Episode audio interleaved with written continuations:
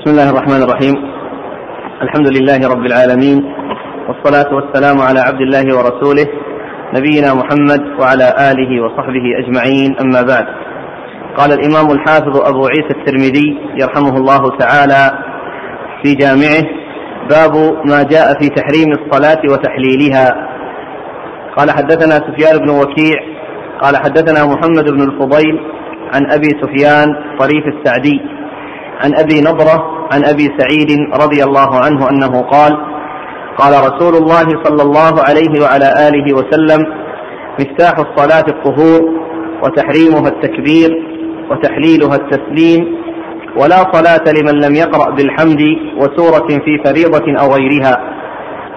قال أبو عيسى هذا حديث حسن. وفي الباب عن علي وعائشة قال وحديث علي بن أبي طالب رضي الله عنه في هذا أجود إسنادا وأصح من حديث أبي سعيد. وقد كتبناه في أول كتاب الوضوء والعمل عليه عند أهل العلم من أصحاب النبي صلى الله عليه وآله وسلم ومن بعدهم. وبه يقول سفيان الثوري وابن المبارك والشافعي وأحمد وإسحاق إن تحريم الصلاة التكبير ولا يكون الرجل داخلا في الصلاة إلا بالتكبير. قال أبو عيسى وسمعت أبا بكر محمد بن أبان مستملي وكيع يقول سمعت عبد الرحمن بن ابن المهدي ابن مهدي يقول لو افتتح الرجل الصلاة بسبعين اسما من أسماء الله ولم يكبر لم يجزه. وإن أحدث قبل أن يسلم أمرته أن يتوضأ ثم يرجع ثم يرجع إلى مكانه فيسلم. إنما الأمر على وجهه. قال وأبو نضرة اسمه المنذر بن مالك بن قطعة. بسم الله الرحمن الرحيم. الحمد لله رب العالمين وصلى الله وسلم وبارك على عبده ورسوله. نبينا محمد وعلى آله وأصحابه أجمعين. أما بعد فيقول الإمام أبو عيسى الترمذي رحمه الله في جامعة باب فيما جاء أن ان ان أن تحريم الصلاة التكبير وتحريمها التسليم. آه هذه الترجمة معقودة لبيان ما يدخل به في الصلاة وما يخرج به منها. وأن الصلاة لها بداية ولها نهاية. فبدايتها تكبيرة الإحرام ونهايتها التسليم. ولهذا تعرف الصلاة فيقال في تعريفها هي أقوال وأفعال مخصوصة مبتدأة بالتكبير مختتمة بالتسليم. هي أقوال وأفعال مخصوصة مبتدأة بالتكبير مختتمة بالتسليم. وقيل وقد أورد أبو عيسى حديث أبي سعيد الخدري رضي الله تعالى عنه أن النبي صلى الله عليه وسلم قال مفتاح الصلاة الطهور وتحريمها التكبير وتحريمها التسليم. ولا صلاة للمرء آه، حتى يقرأ بفاتحة الكتاب وسورة في فرض ونفل. آه، قوله صلى الله عليه وسلم مفتاح الصلاة الطهور آه، الطهور هو الوضوء والتطهر وهو بالضم وضم الطاء اسم للفعل الذي هو التطهر. وبالفتح اسم للماء الذي يتطهر به. الماء الذي يتطهر به يقال له طهور وفعل التطهر يقال له طهور. ولهذا نظائر مثل السحور والسحور والوضوء والوضوء والوجور والوجور وغير ذلك من الألفاظ التي تأتي على هذه الصيغة يراد بها إذا كانت مفتوحة الشيء المستعمل ويراد بها إذا كانت مضمومة نفس الاستعمال نفس الاستعمال الذي هو الفعل. وقوله مفتاح الصلاة الطهور يعني آه، معناه أنه لا يتوصل إلى الصلاة إلا بالطهور. وذلك أن قالوا وذلك أن الصلاة هي بمثابة الشيء المغلق الذي لا يوصل إليه إلا عن طريق فتحه وذلك إنما يكون بالطهور. وذلك أن الصلاة لا تكون إلا بوضوء. ولا وقد وقد جاء في الحديث لا يقبل الله صلاة أحدكم إذا أحدث حتى يتوضأ. ولا صلاة من غير طهور ولا صدق لا يقبل الله صلاة من غير طهور ولا صدقة من غلول. فالطهارة شرط من شروط الصلاة ولا بد منها ولهذا قال عليه الصلاة والسلام مفتاح الصلاة الطهور. ثم قال وتحريمها التكبير أي أن الإنسان يدخل فيها بالتكبير فيحرم عليه بقول الله أكبر التي هي تكبيرة الإحرام ما كان حلالا له قبل أن يقولها وقبل أن يأتي بهذا هذه البداية التي هي التكبير.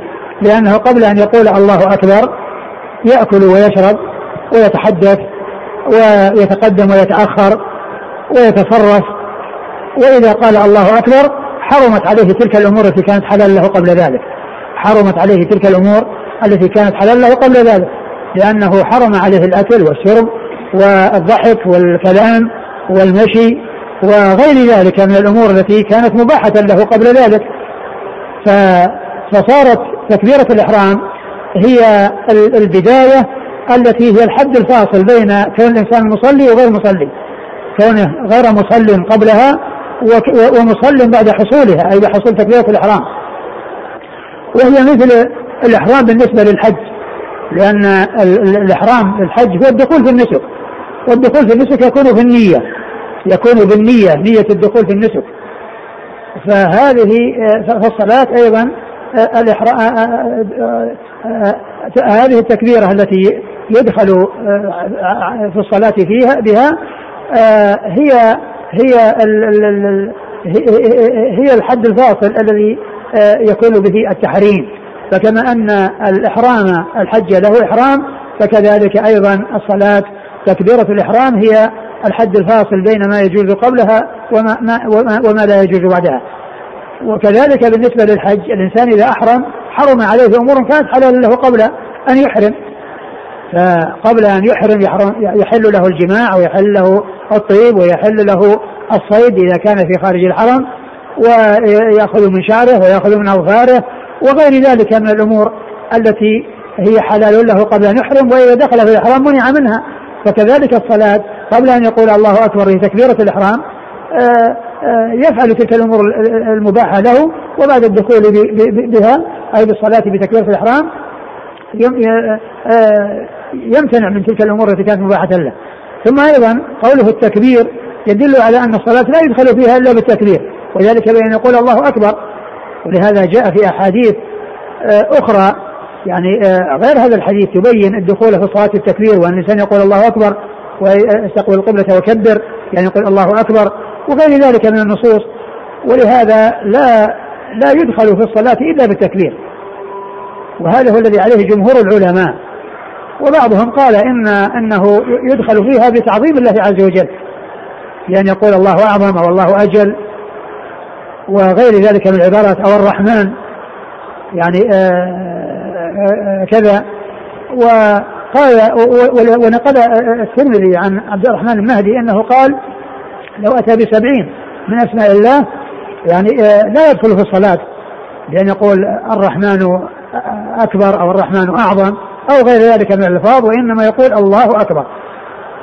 يعني بلفظ الجلالة وبلفظ التكبير. فلا يؤتى باسم من أسماء الله غير لفظ الجلالة فيقال الرحمن أكبر أو العزيز أكبر أو اللطيف أكبر ولا أيضا يؤتى بدل أكبر. يعني بان يؤتى بلفظ الجلالة ولكن يؤتى بكلمة أخرى غير غير التكبير فيقول الله أعظم أو الله أجل أو الله آآ آآ يعني ألطف أو الله أعز أو غير ذلك من العبارات. لا يؤتى إلا بالله أكبر بلفظ الجلالة وبلفظ التكبير. وفعل النبي صلى الله عليه وسلم أقواله وأفعاله كلها بينت ذلك. وقد جاء إذا كبر فكبروا وإذا ركع فاركعوا وإذا سجد فاسجدوا وإذا قال سمع الله من حمد فقل ربنا ولك الحمد. كل هذا يبين أن الصلاة إنما يدخل فيها بالتكبير ولهذا قال تحريمها التكبير. تحريمها التكبير يعني الدخول فيها وحرمة ما كان حلالا قبلها إنما يكون بقول الله أكبر التي هي تكبيرة الإحرام. وهي وهي ركن من أركان الصلاة. لا يكون الإنسان داخلا بالصلاة إلا بها. يعني بأن يكبر وينوي. يكبر وينوي الدخول في الصلاة. لقوله صلى الله عليه وسلم إنما لنا بالنيات ويكون ذلك بلفظ التكبير لا يكون بغيره. وتحليلها التسليم بمعنى أن الإنسان من حين ما يكبر فقد حرم عليه تلك أمور كانت حلالا له ويستمر هذه الحرمة من حين التكبير إلى حين التسليم. لا فإذا سلم عند ذلك يحل له تحل له تلك الأمور التي كانت حلالا له قبل التحريم. تحل له يرجع إلى ما كان حلالا له. لأن الصلاة انتهت. من من التكبير إلى التسليم هذا هو حد الصلاة. ما قبل ذلك وما بعد ذلك الإنسان يحل له ما هو حلال له من الأكل والشرب والكلام والمشي والدخول والخروج وغير ذلك. تحريمها التكبير وتحليلها التسليم. فالصلاة يدخل فيها بالتكبير ويخرج منها بالتسليم. آه والتسليم يعني آه تسليمتان تسليمة على اليمين وتسليمة على الشمال. ثم أورد أبو عيسى قوله ولا صلاة ولا صلاة ولا صلاة لمن لم يقرأ بالحمد وسورة في فريضة أو غيرها. ولا صلاة لمن لم يقرأ بالحمد في وسورة في فريضة وغيرها. يعني في الفرائض والنوافل. والحمد المقصود بها الفاتحة. والمقصود بالحمد الفاتحة. الحمد لله رب العالمين. وهذا يعني يدل على أن يشعر بأن السورة الفاتحة والسورة مع الفاتحة أنها أنها لازمة وأنها واجبة. وأنه لا بد من هذا. لكن قد جاء أحاديث تدل على أنه لا يجب ولا يلزم إلا الفاتحة. لا يلزم ولا يجب إلا الفاتحة. وأيضا جاء هذا الحديث نفسه في بعض الطرق التي هي أقوى من هذه الطريق وهي, وهي الحديث علي الذي سبق أن مر في كتاب, في كتاب الطهارة وفي أبواب الوضوء وهو من غير هذا الطريق من حديث علي بن أبي طالب رضي الله عنه وليس فيه ذكر الصلاة. وأنها لا لا صلاة إلا بكذا. وقد جاءت الأحاديث بأن أنه لا يتعين ولا يلزم إلا الفاتحة هي التي تتعين في الصلاة. وأما غيرها فإنه سنة. يعني ما زاد على ذلك فإنه سنة. وليس الواجب التي هي قراءة السورة سواء في الفرض أو النفل. سواء في الفرض أو النفل وإنما الذي يلزم في الفرض والنفل هو الفاتحة التي جاءت الأحاديث الدالة على أن على تعينها وعلى لزومها وأنه لا صلاة لمن لم يقرأ بفاتحة الكتاب. نعم. قال حدثنا سفيان بن وكيع. سفيان بن وكيع صدوق. ابتلي بوراقه فأدخل عليه ما ليس من حديثه فنصح فلم يقبل فسقط حديثه. آه، يعني آه، صدوق آه، ابتلي بوراق أدخل فيه ما ليس من حديثه فنصح فلم ينتصح فسقط حديثه. رواه الترمذي بن ماجه. رواه الترمذي وابن ماجه. عن محمد بن الفضيل محمد بن فضيل بن غزوان صدوق أخرجه أصحاب كتب الستة. عن أبي سفيان طريف السعدي. عن أبي سفيان طريف السعدي وهو ضعيف أخرج له. الترمذي وابن ماجه. أخرج الترمذي وابن ماجه. عن أبي نضرة. عن أبي نضرة وهو الحار وهو مالك. المن... المنذر بن مالك بن قطعة وهو ثقة أخرجه البخاري تعليقا. نعم. ومسلم وأصحاب السنن. عن أبي سعيد. عن أبي سعيد الخدري سعد بن مالك بن سنان. أحد السبع المعروفين بكثرة الحديث عن النبي صلى الله عليه وسلم. والحديث في إسناده آه، طريف السعدي هذا وهو ضعيف وفي إسناده سفيان بن وكيع وفيه كلام ولكن الحديث جاء من من طرق أخرى ومنها طريق علي حديث علي الذي سبق أن مر ورجاله كلهم ثقات وليس فيهم من هو متكلم فيه إلا عبد الله بن محمد بن عقيل وحديثه آه، وهو صدوق. وحديثه آه، جاء يعني هذا الحديث الذي معنا وغيره وهي مقوية له فيكون حديثا حسنا يعني يعتد به ويعمل به. ولم يأتي من هذه الطريق التي فيها هذا الضعيف فقط بل جاء من تلك الطريقة التي هي أصح. ولهذا قال الترمذي رحمه الله أن حديث علي أصح من هذا الحديث لأن رجاله كلهم ثقات وليس فيهم إلا عبد الله بن محمد بن عقيل وحديثه يحتج به.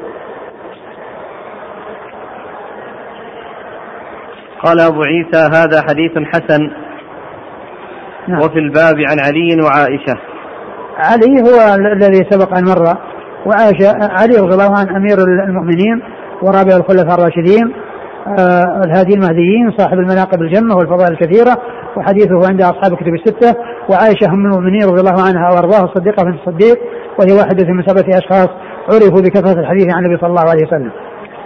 قال وحديث علي بن أبي طالب في هذا أجود إسنادا وأصح من حديث أبي سعيد وقد كتبناه في أول كتاب الوضوء. والعمل عليه عند أهل العلم من أصحاب النبي صلى الله عليه وآله وسلم ومن بعدهم. به يقول سفيان الثوري سفيان الثوري سفيان بن سعيد بن مسروق الثوري ثقة فقيه أخرج له أصحاب كتب الستة. وابن المبارك ابن المبارك عبد الله بن المبارك المروزي ثقة أخرج له أصحاب كتب الستة. والشافعي والشافعي محمد بن إدريس الشافعي وهو أحد أصحاب المذاهب الأربعة المشهورة من مذاهب السنة وحديثه أخرجه البخاري تعليقا وأصحاب السنن. وأحمد وأحمد بن محمد بن حنبل الشيباني ثقة فقيه أحد أصحاب المذاهب الأربعة المشهورة من مذاهب السنة وحديث أخرجه أصحاب الكتب الستة. قالوا إن تحريم الصلاة التكبير ولا يكون الرجل داخلا في الصلاة إلا بالتكبير يعني هؤلاء قالوا أن مفتاح الصلاة التكبير أن إن تحريم الصلاة أن تحريم التكبير الصلاة التكبير.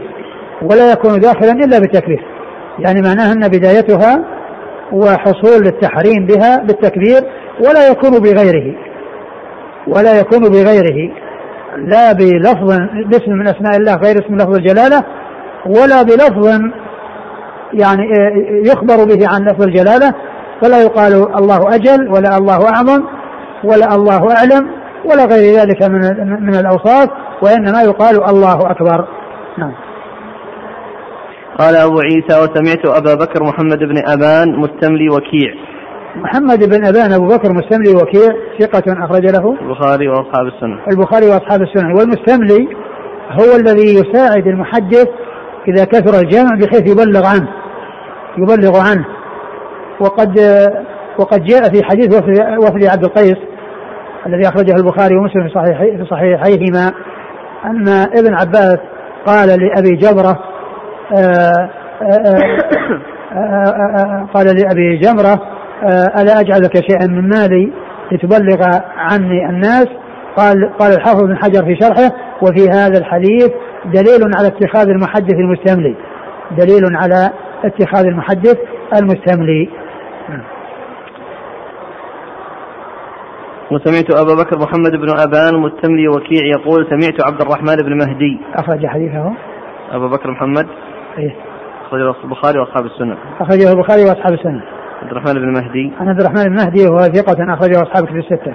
يقول لو افتتح الرجل الصلاة بسبعين اسما من أسماء الله ولم يكبر لم يجز يعني أنه لو أتى بأي اسم من أسماء الله بدل لفظ الجلالة ولم يأتي أيضا بلفظ التكبير فإن ذلك لا يجزئه. لأن لأن لأن فعل الرسول صلى الله عليه وسلم وقوله كل ذلك بين أنه لا يدخل بالصلاه إلا بالتكبير بالله أكبر. نعم، لا يجزئه. يعني فلا يكون داخلا في الصلاة إلا بهذا اللفظ. نعم. وإن أحدث قبل أن يسلم أمرته أن يتوضأ ثم يرجع إلى مكانه فيسلم. يعني معناه أن الصلاة نهايتها التسليم. فلو حصل إحداث قبل أن يسلم فأمره أن يذهب ويتوضأ ويرجع إلى مكانه ويسلم. يعني يواصل الصلاة يواصل الصلاة ويبني على ما تقدم. وهذا قول آه قول عبد الرحمن المهدي رحمه الله. ولكن الذي يظهر أن الإنسان إذا أحدث في الصلاة فانها فإنها تنقطع وأنه يتوضأ ويستأنفها من جديد. وقد ورد في حديث ضعيف بأن الإنسان إذا حصل له أنه يذهب ويتوضأ ويرجع ولا لا يتكلم ويبني على ما تقدم وهو غير صحيح. الحديث الحديث ورد في هذا غير صحيح. فالإنسان إذا أحدث آه، انتقض وضوءه وبطل صلاته. وبطلت صلاته وإنما عليه أن يتوضأ ويستأنف الصلاة من جديد. ولكن ومقصود عبد الرحمن المهدي يقول ان إنه إلى حين يسلم إلى حين يسلم فهو في الصلاة. إلى حين يسلم فهو في الصلاة. ومن ذلك أنه لو أحدث قبل أن يسلم ما يقال خلاص انتهت الصلاة لأن التسليم ما وجد. التسليم ما وجد. واذا فلا يخرج من الصلاة إلا إلا بالتسليم. ويكون إلى نهايتها على طهارة. إنما الأمر على وجهه. إنما الأمر على وجهه يعني كما جاء يعني كما جاء في في- في البداية والنهاية. نعم قال وأبو نضرة اسمه المنذر بن مالك بن قطعة. نعم. الله عليك. نحن قوينا حديث أبي سعيد بحديث علي. لكن في حديث أبي سعيد الجملة الأخيرة حديث علي خال منها. أي نعم. فهل تبقى؟ كما هو معلوم قضية ال ال آه، كون الفريض الفاتحة لا بد منها لا بد منها. وأما فيما يتعلق فقد جاء أحاديث أرجح منها. ثم أيضا هذا الحديث في إسناده رجل ضعيف ورجل آه، متكلم فيه اللي هو سفيان بن آه، آه، سفيان بن وكيع ف... نعم. وطريف السعدي. ف آه، الجملة الأولى هي التي حديث علي يقويها أو هو أقوى من هذا الحديث وهو حسن بمجموع الطريقين. وأما هذه الجملة فما يتعلق بنسبة الفتح هذا أمر لا إشكال فيه. ومتفق مع النصوص الأخرى. وأما زيادة السورة فقد جاء في الأحاديث الصحيحة ما يدل على خلاف ما جاء في هذا الحديث.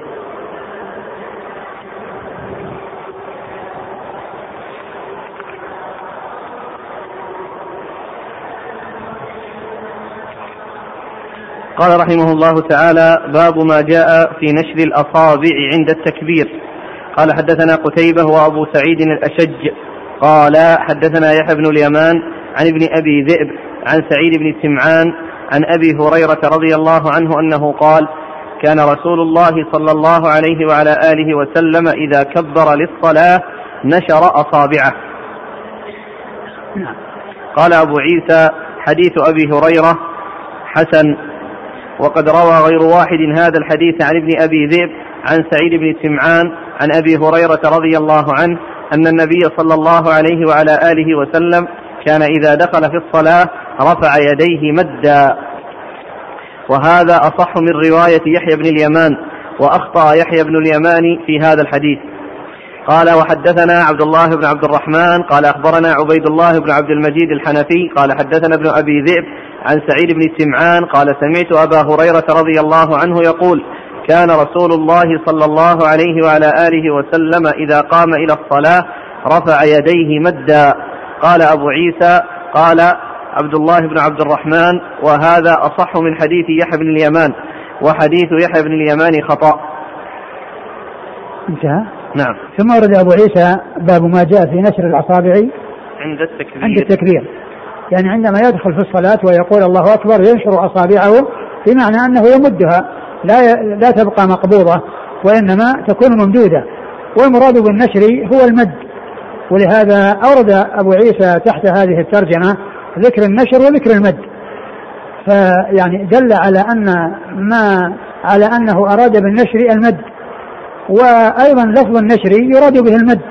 فلا يكون هناك تعارض بين هذا الحديث وبين حديث المد. وإن كان حديث النشر فيه ضعف وفي إسناده ضعف بخلاف آه، حديث المد إلا أن إلا أن معنى هذا هو معنى هذا. والنشر هو هو ضد القبض. يعني مثل ما يقال نشر الثوب ويعني آه، يعني طواه ونشره. يعني معناها يعني بدل ما يكون يعني آه، بعضه فوق بعض يعني جعله منتشرا ومنشورا. فنشر الأصابع هو مدها وقبضها يعني هو عدم مدها وعدم نشرها بأن تكون آه، آه، بعضها مجموعا إلى بعض أو إلى إلى اليد. فإذا نشرت يعني صارت الأصابع قائمة وممدودة فلا فرق بين النشر ورواية النشر فيها ضعف.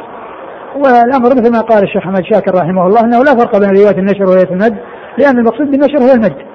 وعلى هذا فيكون لا هناك ليس هناك تعارض. وإن كانت رواية المد صحيحة وهي أصح إلا أن رواية النشر وإن كان فيها ضعف فهي بمعنى المد فلا تنافي بينهما اختلفت الألفاظ والمعنى واحد. اختلفت الألفاظ والمعنى واحد لأن النشر هو المد. ومعنى ذلك أن الإنسان يكبر ويداه ممدودة أصابعه ممدودة. يعني ليس في الأصابع مقبوضة. يقول الله أكبر وهو مقبوضة وإنما هي ممدودة. نعم. مجتمعة لا غير مفرقة. غير مفرق نعم. لأنه يعني قال يمكن أنه آه، بعضهم قال لعل المقصود أنها مفرقة وأنها متباعدة ولكن المقصود بالنشر هو المد.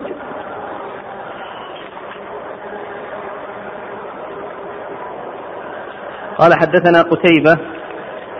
قتيبة ابن سعيد ابن جميل بن طريف البغلاني ثقة أخرجه أصحابه في الستة. وأبو سعيد الأشج. وأبو سعيد الأشج عبد الله بن سعيد وهو ثقة أخرج له أصحاب الكتب. أصحاب الكتب الستة. عن يحيى بن اليمان. عن يحيى بن اليمان وهو صدوق يخطئ كثيرا. صدوق يخطئ كثيرا وهذا هو الذي ضعف فيه الحديث. والشيخ الألباني ضعف هذا الحديث وصحح الذي بعده. وفي الحقيقة أنه لا فرق بين الحديثين معناهما واحد ومؤداهما واحد. نعم. أخرج البخاري في المفرد ومسلم وأصحاب أخرجه البخاري في المفرد ومسلم وأصحاب السنة. عن ابن أبي ذئب. عن ابن أبي ذئب وهو محمد بن إبراهيم بن المغيرة. محمد بن عبد الرحمن. محمد بن عبد الرحمن بن, بن إبراهيم. لا. محمد بن عبد الرحمن بن المغيرة. محمد بن إبراهيم. محمد بن عبد الرحمن بن المغيرة. أي. نعم. محمد بن عبد الرحمن بن المغيرة ابن أبي ذئب ثقة أخرجه أصحاب في الستة. عن سعيد بن السمعان. عن سعيد بن سمعان وهو؟ ثقة أخرج البخاري في جزء القراءة وأبو داود والترمذي والنسائي. ثقة أخرجه البخاري في جزء القراءة وأبو داود والترمذي والنسائي. عن أبي هريرة. عن أبي هريرة عبد الرحمن بن صخر الدوسي رضي الله عنه وهو أكثر الصحابة حديثا على الإطلاق. فيه, فيه يحيى بن اليمان وقال إنه يخطئ كثيرا والاسناد فيه هذا الرجل وهو ضعيف بسببه ولكنه من حيث من حيث المعنى لا فرق بينه وبين الحديث الذي بعده. نعم. قال أبو عيسى حديث أبي هريرة حسن نعم. وقد روى غير واحد هذا الحديث عن ابن أبي ذئب عن سعيد بن سمعان عن أبي هريرة أن النبي صلى الله عليه وسلم كان إذا دخل في الصلاة رفع يديه مدا يعني من طريق يحيى بن يمان من غير طريقه أنه كان رفع يديه مدا. نعم. وهذا أصح من رواية يحيى بن اليمان وأخطأ يحيى بن اليمان في هذا الحديث يعني بكونه يعني جاء النشر ولكن آه، المعنى المعنى صحيح.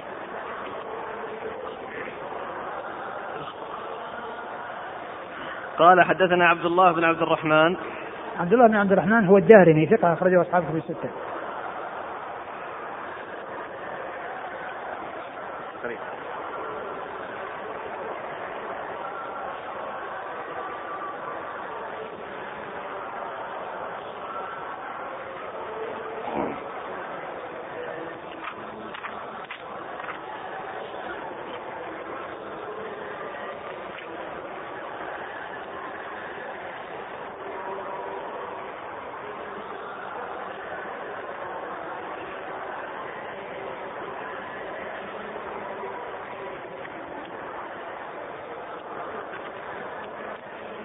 عبد الله بن عبد الرحمن بن الفضل بن بهرام السمرقندي أبو محمد الدارمي ها. أخرج له مسلم وأبو داود والترمذي إيش؟ مسلم وأبو داود والترمذي. عن عبيد الله بن عبد المجيد الحنفي عن عبيد الله بن عبد المجيد الحنفي وهو صدوق خرج أصحاب الكتب صدوق أخرجه أصحاب كتب الستة. عن ابن أبي ذئب عن سعيد بن السمعان عن أبي هريرة نعم مر ذكرهم. قال أبو عيسى قال عبد الله بن عبد الرحمن نعم. وهذا أصح من حديث يحيى بن اليمان وحديث يحيى بن اليمان خطأ. نعم. قال رحمه الله تعالى باب ما جاء في فضل التكبيرة الأولى. قال حدثنا عقبة بن مكرم ونصر بن علي الجهضمي. قال حدثنا أبو قتيبة سلم بن قتيبة عن طعمة بن عمرو عن حبيب بن أبي ثابت عن أنس بن مالك رضي الله عنه أنه قال قال رسول الله صلى الله عليه وعلى آله وسلم من صلى لله أربعين يوما في جماعة يدرك التكبيرة الأولى كتبت له براءتان براءة من النار وبراءة من النفاق. قال أبو عيسى وقد روي هذا الحديث عن أنس موقوفا. ولا أعلم أحدا رفعه إلا ما روى سلم بن قتيبة عن طعمة بن عمرو عن حبيب بن أبي ثابت عن أنس. وإنما يروى هذا الحديث عن حبيب بن أبي حبيب البجلي عن أنس بن مالك قوله حدثنا بذلك هناد قال حدثنا وكيع عن خالد بن طهمان عن حبيب بن أبي حبيب البجلي عن أنس نحوه ولم يرفعه. وروى إسماعيل بن عياش هذا الحديث عن عمارة بن غزية عن أنس بن مالك عن عمر بن الخطاب رضي الله عنه عن النبي صلى الله عليه وسلم نحو هذا. وهذا حديث غير محفوظ وهو حديث مرسل وعمارة بن غزية لم يدرك أنس بن مالك. قال محمد بن إسماعيل حبيب بن أبي حبيب يكنى أبا الكشوثى ويقال أبو عميرة. ثم ورد أبو عيسى هذا ترجع باب في فضل التكبيرة الأولى. في فضل نعم. في فضل التكبيرة الأولى أي إدراك التكبيرة الأولى وهي تكبيرة الإحرام أي أن الإنسان يكون مدركا الصلاة من أولها لا يكون متأخرا عن بدايتها. بحيث يدخل الإمام في الصلاة بالتكبير وهو وراءه يدخل بالتكبير. وقد أورد أبو عيسى حديث أنس بن مالك رضي الله عنه أن أن النبي صلى الله عليه وسلم قال آه لا. من صلى لله أربعين يوما في جماعة يدرك التكبيرة الأولى كتبت له براءتان. من صلى لله أربعين أربعين يوما يوما في جماعة يدرك تكبيرة الأولى كتبت له براءتان براءة من, النار وبراءة من النفاق. والمقصود من ذلك أنه أربعين يوما يدرك التكبيرة الأولى لا تفوت التكبيرة الأولى. ومن المعلوم أن الإنسان إذا إذا فعل هذا الفعل مدة أربعين يوما فإن ذلك يكون له سجية ويكون له آه، يعني عادة ويكون آه، محافظا على الصلاة. يعني حيث تكون أربعين آه، يوما متصلة يكون يعني فعل هذا الفعل يعني معنى ذلك أنه يكون هذا شأنه ويكون قد ألف وقد اعتاد أن يحافظ على الصلاة. فيكتب له براءتان براءة من النفاق وبراءة من النار. براءة من النفاق في الدنيا بأن يكون سلم من صفات المنافقين الذين هم لا يأتون الصلاة إلا وهم كسالى والذين آآ آه، آآ آه، آه، لا يحضرون الصلاة ويعني إذا صلوها يعني يصلون يصلونها في في آخر وقتها. مثل ما مر أنه إذا ينتظر الشمس إذا غربت أو أرادت أن تغرب نقر أربعة لا يذكر الله تعالى فيها إلا قليلا. ف وبراءة من النار في الدار الآخرة بحيث يسلم من النار والدخول فيها. آه، فسلم في الدنيا من صفات المنافقين وسلم في الدار الآخرة من أن يكون من أهل النار فيكون له براءة من من النفاق وبراءة من النار. يعني في الدنيا والآخرة. يحصل هذه السلامة في الدنيا والآخرة. والفائدة من وراء ذلك أنه آه، يكون آه، مواظبته على أربعين صلاة أربعين يوما لا تفوته الصلاة أن ذلك يكون سجية له ويكون عادة له فيكون ذلك علامة خير له وعلامة آه، توفيق من الله عز وجل له وبراءة من من الاتصاف بصفات المنافقين. نعم. قال حدثنا عقبة بن والمقصود يوما يعني مع الليلة يعني مع ليلتها يعني معناها أربعين يوما بلياليها. نعم. عقبة المكرم ثقة أخرجه مسلم وأبو داود والترمذي. عقبة مسلم ثقة أخرجه مسلم وأبو داود والترمذي وابن ماجه. والترمذي وابن ماجه. ونصر بن علي الجهضمي. ونصر بن علي الجهضمي ثقة أخرجه أصحاب كتب الستة. قال حدثنا أبو قتيبة سلم بن قتيبة. قال حدثنا أبو قتيبة سلم بن قتيبة. وهو, وهو الشعيري نسبة إلى بيع الشعير واسمه يوافق يوافق كنيته توافق اسم أبيه لأنه أبوه قتيبة وكنيته أبو قتيبة.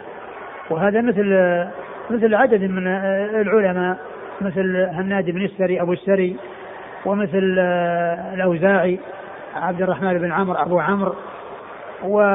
وهذا نوع من أنواع علوم الحديث آه، فائدة معرفته ألا يظن التصحيف لو ذكر باسمه أو بكنيته فإنه آه، لا من يعرف ذلك لا يظن تصحيفا. فلو قيل سلم أبو قتيبة أو سلم بن قتيبة المعنى واحد. لكن الذي لا يعرف أن الكنية أن كنية تطابق اسم أبيه وكان عارف أنه سلم بن قتيبة لو وجده سلم أبو قتيبة يقول أن أبو مصحفة عن ابن. أبو مصحفة عن ابن وليس فيها تصحيف لأنه يعرف بذلك أنه لا تصحيف.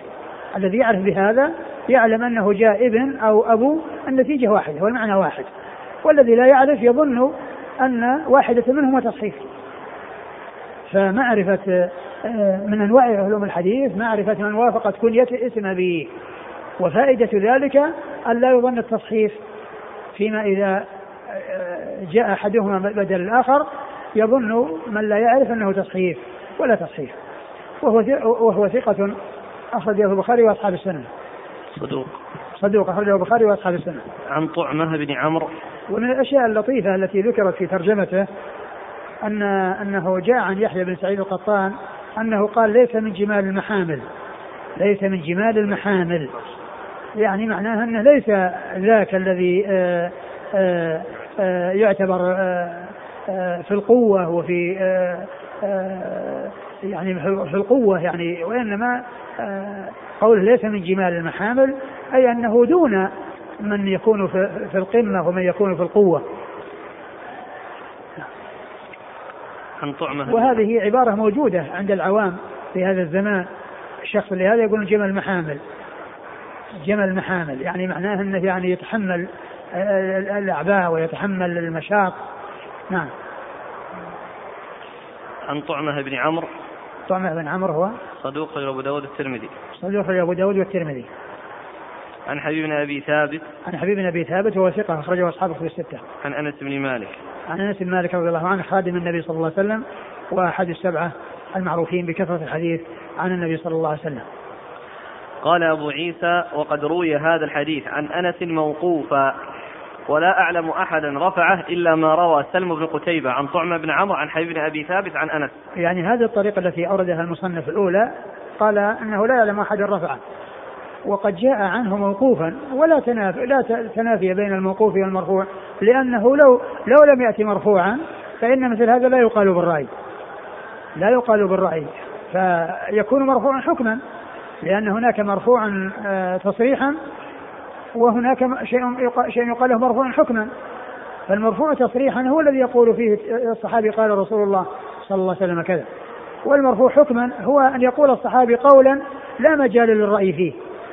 يعني كأن يخبر عن أمر مغيب أو يخبر بتحديد عقوبة أو ثواب لأن مثل ذلك لا يقال بالرأي مثل يكتب له براءة من النفاق وبراءة من النار وأن من فعل هذا المقدار يكون له كذا وكذا مثل هذا لا يقال بالرأي وسواء جاء موقوفا أو مرفوعا النتيجة واحدة وجاء مرفوعا وجاء موقوفا ولا تنافي بين ذلك وكل ذلك صحيح يعني ما جاء أنه موقوف لا ينافي ما جاء أنه مرفوع ولو لم يأتي مرفوعا فإن مجرد مجيئه موقوفا وهو لا ليس للرأي فيه مجال يكون من قبيل المرفوع حكما.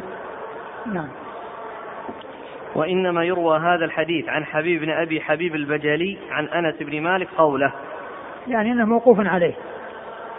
وهذه طريقة أخرى ولا تنافي بين الطريقة المرفوعة والطريقة الموقوفة. حبيب بن أبي حبيب البجلي. حبيب بن أبي حبيب البجلي هو مقبول أخرج له. الترمذي أخرج له الترمذي. حدثنا بذلك هناد. يعني هذه الطريقة التي هي طريق حبيب بن أبي حبيب. هناد ابن السري أبو السري ثقة. أخرجه البخاري في خلقية العباد ومسلم وأصحاب السنن. عن وكيع. وكيع بن الجراح الرؤاسي الكوفي ثقة. أخرجه أصحاب كتب الستة. عن خالد بن طهمان. عن خالد بن طهمان وهو صدوق اختلط وحديثه. الترمذي. أخرجه الترمذي. عن حبيب بن أبي حبيب البجلي عن أنس نحوه ولم يرفعه. نعم. وروى ولم يرفعه يعني من قوله. نعم. وروى إسماعيل بن عياش هذا الحديث عن عمارة بن غزية عن أنس بن مالك عن عمر عن النبي صلى الله عليه وسلم. وهذه طريقة أخرى أنس يرويه عن عن عمر وعمر يرفعه إلى رسول الله صلى الله عليه وسلم. روى إسماعيل بن عياش. إسماعيل بن عياش هو ثقة في, في صدوق. في أهل بلده ومخلط في غيرهم وهذا من رواية عن غيره لبلده لأن عمارة بن الغزية مدني ويعني إسماعيل بن عياش شامي وروايته عن الشاميين معتبرة وروايته عن غيرهم آه، آه، ليست معتبرة. وهذا من قبيل روايته عن غيرهم. وإسماعيل بن عياش صدوق. في رواية عن أهل البلد مخلق في غيره مخلق في غيره أخرج له؟ البخاري في رفع اليدين وأصحاب السنن أخرج البخاري في في جزء رفع اليدين وأصحاب السنن وعمر بن غزية قال لا بأس به وروايته عن أنس مرسلة. أخرج البخاري تعليقا ومسلم وأصحاب السنن لا بأس به أخرجه مسلم وأصحاب السنن البخاري تعليقا. البخاري تعليقا ومسلم وأصحاب السنن عن أنس بن مالك عن عمر بن الخطاب. وعمر بن الخطاب هو أمير المؤمنين ورابع وثاني الخلفاء الراشدين الهادي المهديين صاحب المناقب الجمة والفضائل الكثيرة. وحديثه عند أصحاب الكتب الستة. وهذا حديث غير محفوظ وهو حديث مرسل. عمارة بن غزية لم يدرك أنس بن مالك. نعم يعني هذا الذي فيه عن عمر. نعم. الترمذي مثل أبي داود يستخدم المرسل بالمراد به الانقطاع. آه، نعم هذا هذا معروف عند كثير من المحدثين. إذا قالوا يرسل يعني معناه أنه يرسل عمن لم يلقه. ولهذا يعني فيه مرسل مرسل واضح ومرسل خفي. مرسل واضح ومرسل خفي. ورواية الراوي عمن لم يلقه أو لقيه أو, أو عاصره ولم يسمع منه يقال ذلك مرسل وفي مرسل واضح ومرسل خفي.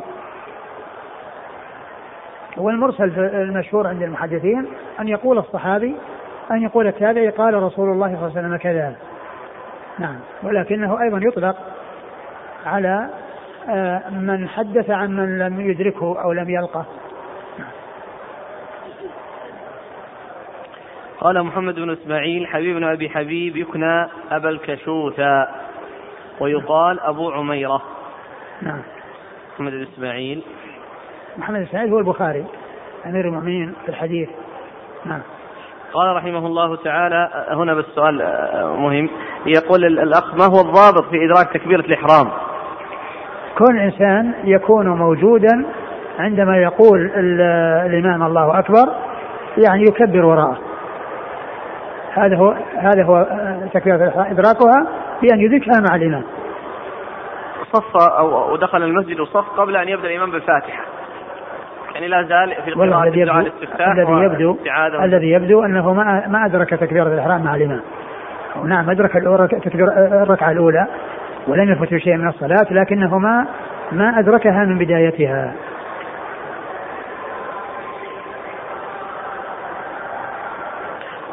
آه، لعلكم تنبهون هنا أربعين يوما.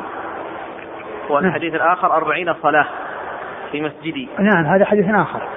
لأن هذا الحديث الذي معنا أربعين يوما وأما الحديث الذي ورد في فضل الصلاة في مسجد النبي صلى الله عليه وسلم أربعين صلاة يعني ثمانية أيام. يعني ثمانية أيام ولكن ذاك ضعيف وهذا صحيح وهذا حسن. قال رحمه الله تعالى باب ما باب ما يقول عند افتتاح الصلاة.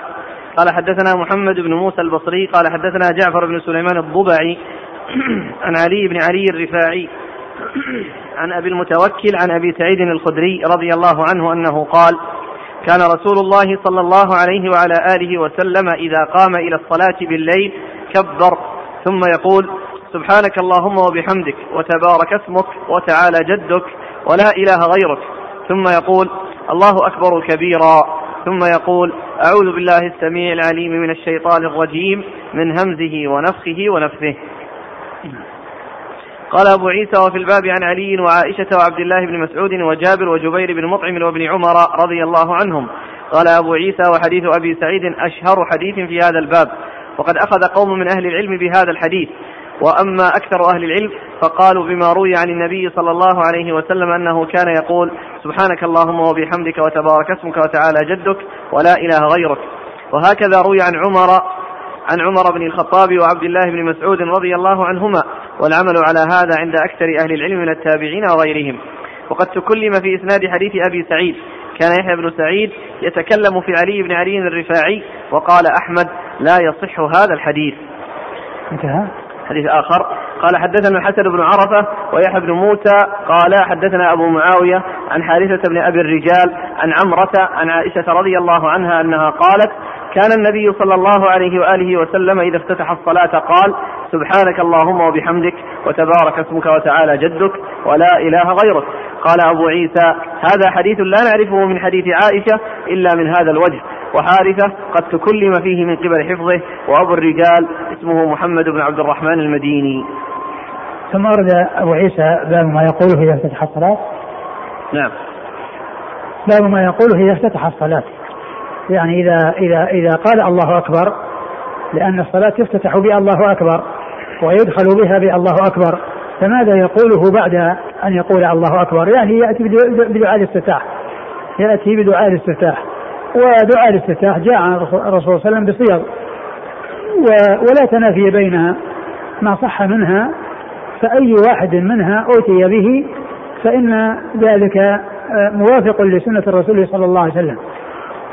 والاختلاف فيها يعني كون بعض العلماء يختار هذا أو يختار هذا يختار هذا هو من اختلاف التنوع وليس من اختلاف التضاد لأن هذه كلها كلها حق وكل ما ثبت عن النبي صلى الله عليه وسلم الاستفتاح به فإنه يؤتى به وأي واحد يؤتى به فيكون الإنسان مصيبا. ولكن لا يجمع بين هذه الأدعية كلها لأن ذلك اولا لم يرد وأيضا يكون فيه تطويل في الصلاة. بهذه الأدعية المتنوعة وإنما يؤتى بواحد منها إذا أتى بهذا أو بهذا أو بهذا أي واحد منها الأخذ به صحيح. وهو من قبيل اختلاف التنوع ليس من قبيل اختلاف التضاد. وقد أورد أبو عيسى حديث أبي سعيد نعم.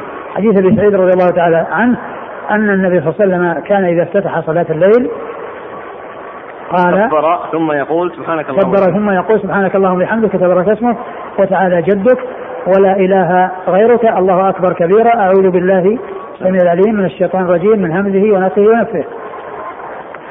وجاء في الروايات الأخرى آه، الاقتصار على سبحانك اللهم وبحمدك تبارك وتعالى جدك ولا إله غيرك. وهذا كله ثناء على الله عز وجل.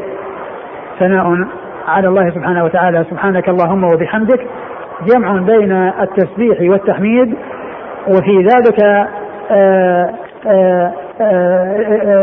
نفي كل النقائص عن الله سبحانه وتعالى وإثبات المحامد له سبحانه وتعالى فيكون في الجمع بين هذا اللفظين هذين اللفظين التقديس لله وتنزيهه عما لا يليق به ما وذكر الحمد الثناء عليه بكل ما يليق به.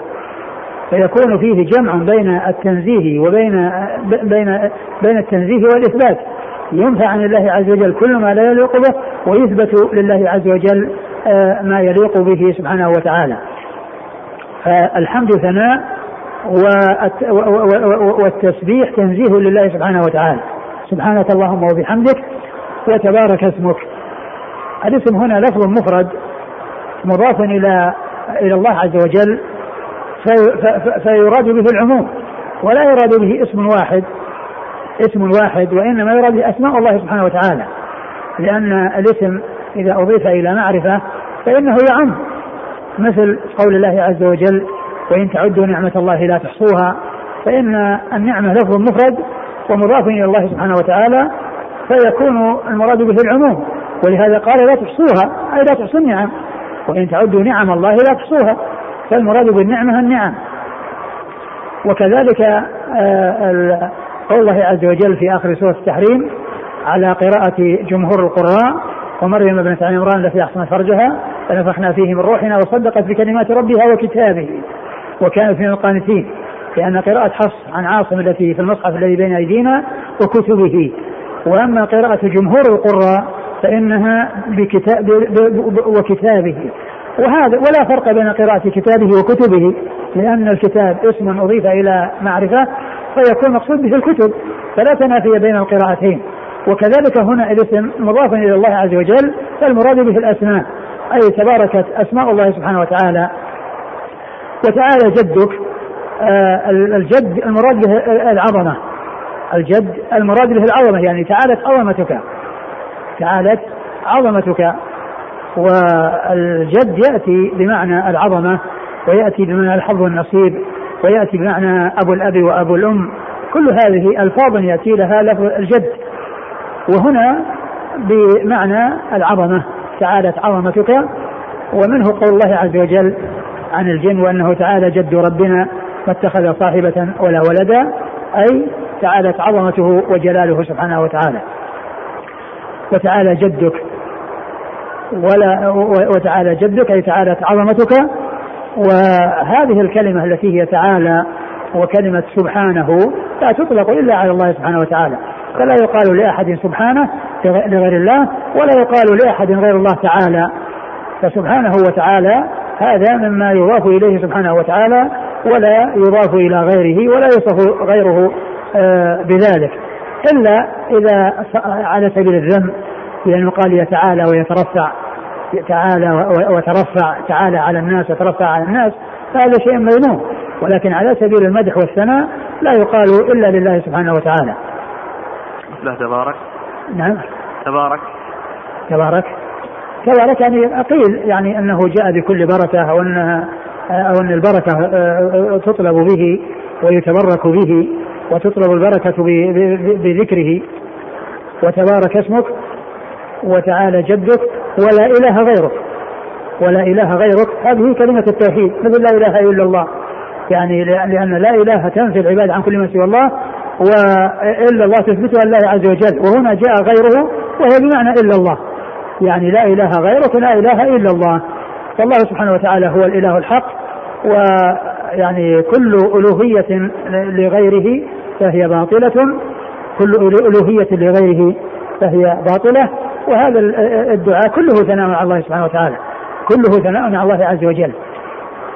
فبعض العلماء اختاره لأن الإنسان يبدأ فيه بالحمد والثناء على الله عز وجل. ومن المعلوم أن بدء الصلاة وبدء الأعمال بالثناء على الله عز وجل أن هذا أمر مطلوب. أن هذا أمر مطلوب. وقد جاء عن رسول الله في أحاديث صحيحة البدء بالدعاء. اللهم باعد بيني وبين خطاياي. في حديث أبي هريرة وجاء في حديث علي وجهت وجهي الذي فطر السماوات والأرض. وكل هذه صحيحة وكل هذه أنواع للاستفتاح للصلاة. فإذا أتى فأي واحد منها أتى به المسلم فإنه يكون بذلك فعل أمرا مشروعا ولا تنافي بينها. آه، الله أكبر كبيرا.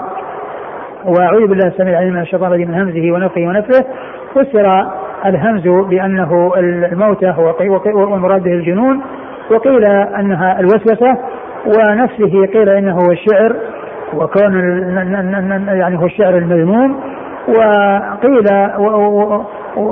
ونفخه هو التكبر يعني وكبره وتكبره. نعم. قال حدثنا محمد بن موسى البصري. محمد بن موسى البصري آه، الحرشي وهو لين أخرجه الترمذي. لين أخرجه الترمذي والنسائي. والنسائي.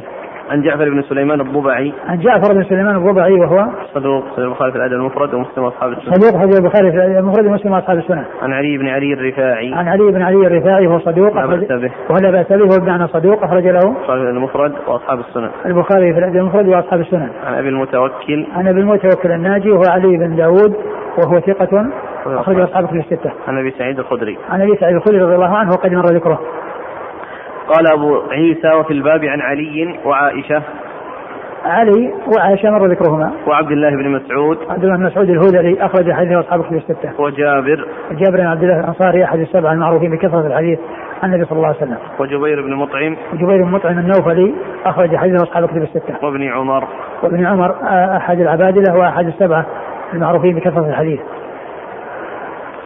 قال أبو عيسى وحديث أبي سعيد أشهر حديث في هذا الباب.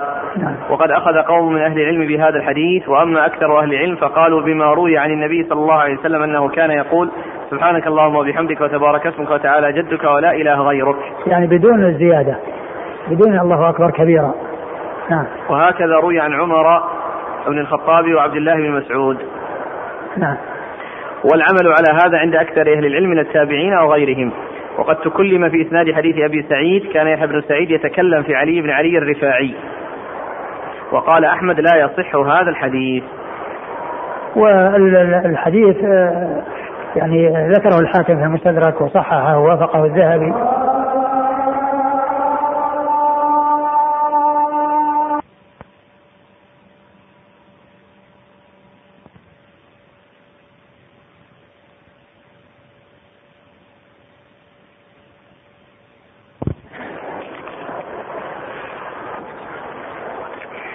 وما ذكره المصنف عليه عن أحمد أنه قد لا يصح هذا الحديث فالمقصود من ذلك بهذه الزيادة. وإلا فإن الحديث صحيح وهو مما اختاره الإمام أحمد في الاستفتاح. يعني سبحان الله سبحانك اللهم وبحمدك وتبارك اسمك وتعالى جدك ولا إله غيرك.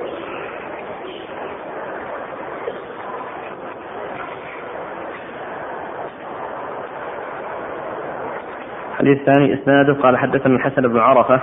الحسن بن عرفة ثقة أخرج له. صدوق أخرجه الترمذي والنسائي وابن ماجه. صدوق أخرجه الترمذي. والنسائي وابن ماجه. الترمذي والنسائي وابن ماجه. والحسن بن عرفة كما سبق أن مر بنا ذكر في ذكر في ترجمته أنه آه أن أنه سمى عشرة من أولاده في أسماء العشرة المبشرين بالجنة. سمى عشرة من أولاده أو له عشرة أولاد سماهم بأسماء العشرة المبشرين بالجنة. ويذكر مثل ذلك أن أن ابن دقيق العيد كان كذلك أيضا. قال ويحيى بن موسى عن أبي معاوية. ويحيى بن موسى هو؟ تقدم. لا يحيى بن موسى ثقة أخرجه البخاري وأبو داود والترمذي والنسائي. ثقة أخرجه البخاري وأبو داود. البخاري وأبو داود والترمذي والنسائي. والنسائي. عن أبي معاوية. عن أبي معاوية محمد بن خازم الضرير الكوفي. ثقة أخرجه أصحاب في الستة. عن حارثة بن أبي الرجال. حارثة بن أبي الرجال ضعيف. أخرجه الترمذي وابن ماجه. أخرجه الترمذي وابن ماجه. عن عمرة. عن عمرة بنت عبد الرحمن وهي ثقة تابعية ثقة أخرجها أصحاب في الستة. عن عائشة, عن عائشة وقد مر ذكرها. قال أبو عيسى هذا حديث لا نعرفه إلا لا نعرفه من حديث عائشة إلا من هذا الوجه. نعم. وحارثة قد تكل قد تكلم فيه من قبل حفظه.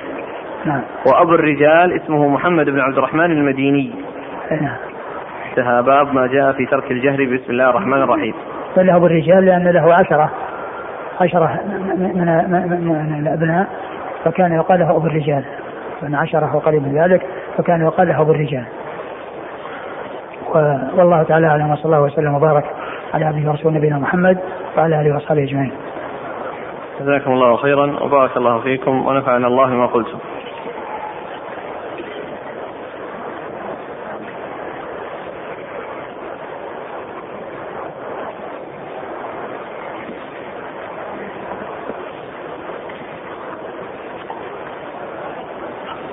يقول السائل فضيلة الشيخ من أراد قطع الصلاة هل يسلم أم لا؟ الذي يظهر أنه لا يسلم وإنما يقطعها بدون تسليم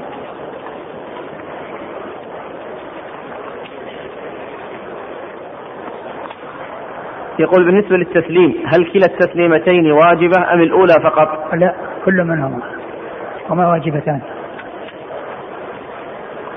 يقول هناك رجل يقول في تكبيرات الانتقال الله أكبر يا رب. فهل فعله صحيح لا, لا يجوز لا يجوز أن يضاف إلى الله أكبر شيء آخر. وهو غير صحيح. والإنسان يتقيد بما ورد ولا يزيد عليه ولا ينقص منه. في الحديث حديث أنس أربعين يوما في جماعة. هل المقصود بالجماعة جماعة مسجد واحد أم أنها جماعة ولو كانت في مساجد متعددة؟ الذي يظهر أنه لا, لا يلزم أن تكون مسجد واحد. وإنما تكون في مساجد متعددة.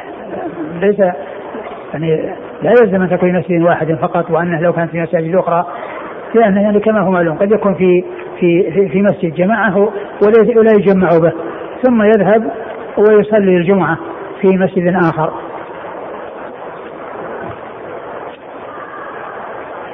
قال يقول ثبت أن النبي صلى الله عليه وسلم سلم تسليمة واحدة. ألا يدل ذلك على ركنية التسليمة الأولى فقط وأن لا. الصلاة تنقضي بمجرد التسليمة الأولى؟ لا ما يدل على هذا لأن التسليمة الثانية يمكن أنه لم يرفع بها الصوت ولكن تسليمتان ثبتتا يقول كيف كان الصحابة يعرفون من النبي صلى الله عليه وسلم دعاء الاستفتاح؟ هل كان يجهر به؟ نعم جاء عن النبي صلى الله عليه وسلم في بعضه حديث أبي هريرة لأنه سأل نفسه قال يا رسول الله رأيت سكوتك بين التكبير والقراءة ماذا تقول؟ قال أقول اللهم باعد بيني وبين خطاياي. ففيه تصريح الرسول صلى الله عليه وسلم و وكان النبي صلى الله عليه وسلم يعني يعني يجهر بالآية يعني في الصلاة السرية يسمعهم يعني الشيء الذي يقرأ به. ف يعرف ذلك بسماعهم منه إما برفع صوته يعني أحيانا به أو بتعليمهم إياه. وأنه آه، كان يعلمهم اياها ويقول يقول لهم يقول وهل لنا أن نفعل ذلك إذا كان من باب نشر السنة نرفع الصوت بدعاء الاستفتاح خاصة في الأجواء التي كثرت فيها البدعة؟ لا يمكن الناس يعلمون يعلمون أحكام الصلاة ومنها دعاء الاستفتاح. هل يستفاد من الحديث دعاء الاستفتاح أن هذا الدعاء خاص بصلاة الليل ولا يجوز لا لأنه جاء, لأنه جاء مطلقا وجاء مقيدا فيجوز في الليل والنهار. يقول هل من أسماء الله النور؟ بعض أهل العلم قال ذلك. بعض أهل العلم قال ذلك. لكنه ليس ليس بواضح. الدائم. وكذلك الدائم ما ما أذكر يعني شيئا يعني يدل على عليه. ما أذكر. يعني شيء يدل عليه. الله سبحانه هو الدائم وهو الباقي. ولكن آه، كونه جاء في نص ما أذكر. يقول عندما أكون صائما وأفطر يكون هناك بقايا من الطعام في فمي وأسناني. فماذا علي لو بلعتها؟ ما يؤثر. أقول ما يؤثر لكن الإنسان يعني ينبغي مثل هذا أن يخرجه. ولو بلعه لا يؤثر. وهذا يقول هل ابتلاع البلغم يقطع الصلاة؟ ويبطلها لا ما يبطلها كون الإنسان في فمه يعني في فمه شيء أو أنها يعني خرجت البلغم أو أنه ما خرج ما ما يقطع الصلاة ولا يبطلها. وما حكم ابتلاعه للصائم؟ النخامة إذا وصلت إلى إلى فم الصائم لا يجوز له بلعها. وإذا بلعها ففي ذلك خلاف بين أهل العلم منهم من قال أنه يفطر ومنهم من قال أنه لا يفطر. وهذا فيما إذا وصلت إلى فمه أما إذا كانت في حلقه ولم تصل إلى فمه وأرجعها أو رجعت فإن ذلك لا يؤثر وإنما الخلاف ما لو خرجت من حلقه وصارت في فمه وكان بإمكانه أن يلفظها أو يبلعها ثم إنه بلعها هذا هو الذي فيه الخلاف بين أهل العلم آه، فيها. يقول السائل فضيلة الشيخ إذا اتفقت مجموعة من الإخوة على أن يتنافسوا في إدراك التكبيرة الأولى أربعين يوما وخصصوا مكافأة تجمع قيمتها من المجموعة ثم تعطى لمن يفعل ذلك هل هذا سائر؟ لا ما يسوق لأن هذا يعني معناه أن العبادة وكون الناس يعني يأتون للعبادة آه، من أجل الدنيا ومن أجل المنافسة على الدنيا هذا لا يصلح ولا ولا ينبغي. جزاكم الله خيرا وبارك الله فيكم ونفعنا الله بكم.